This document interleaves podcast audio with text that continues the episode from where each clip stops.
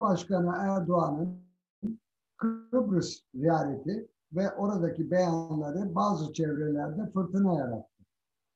E, iki bakımdan bakmak gerekir. Birincisi Maraş'ın e, KKTC'nin Kıbrıs veya Kıbrıs Türk Devleti'nin e, resmiyeti altında e, Rumlara açılması. Şimdi bu e, aslında daha önce de yapılmış beyanlar var. Bunun amacı şu. Kıbrıslı Rum yönetimini bir tür tanımış olacaklar. Bu bakımdan Rumlar kabul etmemişti geçmişte. İkincisi böyle bir durum e, Güvenlik Konseyi e, kararlarına ters düşüyor. Güvenlik Konseyi'nin zannediyorum 286 sayılı kararı KKTC ile ilişki kurulmaması yolunda. Bu karar Birleşmiş Milletler Yasası'nın 6. bölümü çerçevesinde kabul edilmiştir ve yol gösterici bir karardır.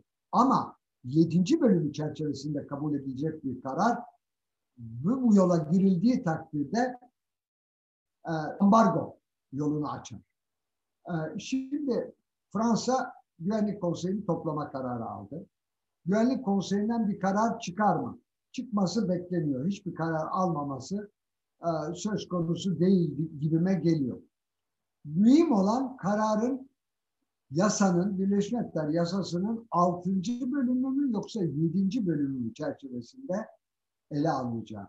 7. bölüm zorlayıcı tedbirlerdir ve bu karara karşı bir davranış içinde olursanız çeşitli ambargolara yol açabilir. İkinci sıkıntı Avrupa Birliği sıkıntısı. 2002 yılında Kıbrıs'la müzakereler yani Rum kesimiyle müzakereler başlarken Avrupa Birliği bir karar aldı ve bütün Kıbrıs adasını Avrupa Birliği parçası addetti ama ek bir protokolle AB normlarının mevcut durum yani Türkiye'nin orada bulunduğu yerde geçici olarak geçerli olmadığını ilan etti. Dolayısıyla iki devletli çözüm dendiği zaman bir nevi Avrupa Birliği'nin kendi toprağından bir parça çıkmış gibi olacak. Onun için e, birçok devletler buna karşı. Ha, Rusya'nın tutumu şimdiye kadarki tutumuyla uyumlu. Rusya Kıbrıs'ın bölünmesini istemiyor. Bunun ekonomik nedenleri var, siyasi nedenleri var. Bu tür devletlerin bölünmesi ileride başka devletlerin de bölünmesine yol açar endişesi var.